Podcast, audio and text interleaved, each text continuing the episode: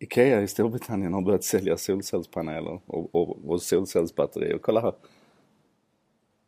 Jag vet inte om ni kan se, jo det kan ni va. Det här är alltså den helt vanliga IKEA-sajten och här kan man då gå in och, och beställa solceller och batterier. Och jag postar den här länken tillsammans med ett fungerande brittiskt postnummer så att ni kan testa det här själva och rulla igenom. Det är en lätt bisarr upplevelse att köpa någonting som för bara ett par år sedan, nästan runt hörnet, var ganska utopiskt och, och väldigt, väldigt dyrt och idag köper man det på IKEA istället.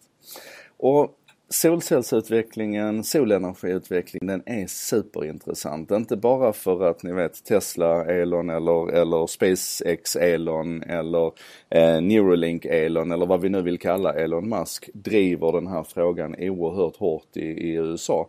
Hans nya Solar Roof och hans företag Solar City som, som, som eh, verkligen liksom flyttar fram det här till konsumentprodukter och sådär är, är bara ett exempel på vad som händer på solcellssidan och, och solenergisidan. Eh, vi behöver inte göra någon sifferexercis av detta men det finns de som idag har räknat på att i stora delar av världen så är solenergi det överlägset billigaste sättet att, att producera energi idag. Och det är ju lite, lite utvecklingskurvor som har gjort det här. Alltså eh, effektiviteten på solcellerna har gått så och kostnaden har gått så. Samtidigt parallellt med detta så har vi batteriutvecklingen där effektiviteten och lagringskapaciteten har gått så och kostnaderna har gått så. Och sammantaget gör det här att tiden verkligen är mogen nu för solenergi och, och solceller. Eh, att det flyttar in på IKEA är väl ett exempel. IKEA gör ju naturligtvis det här i ett partnerskap tillsammans med ett, ett brittiskt bolag. Men lik förbaskat, det här är ett tecken i tiden. Det är signaler att det är dags för var och en av oss att nu på allvar börja titta på det här. I Sverige så, så finns det gott om företag idag som försöker hjälpa dig igång med det här och vi har ganska kraftiga subventioner fortfarande så att det är, det är god tid nu att börja titta på detta.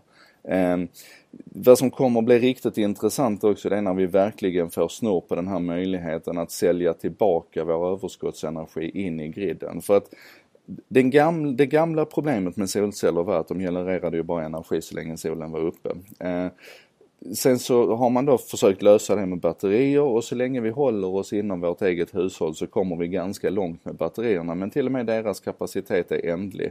Så att vi behöver ju kliva in i ett växelsystem. Och att vi hämtar ut energi ifrån griden när vi behöver den, det är ganska enkelt och uppenbart. Men vad vi också vill åstadkomma det är när det är fullt i vårt eget lager, då vill vi kunna sälja tillbaka energin in i griden så att vi faktiskt blir en elleverantör också. Allt det här ligger och bubblar och puttrar idag. Man tittar på lagstiftningen, man tittar på hur man ska hantera momsen runt de här försäljningarna.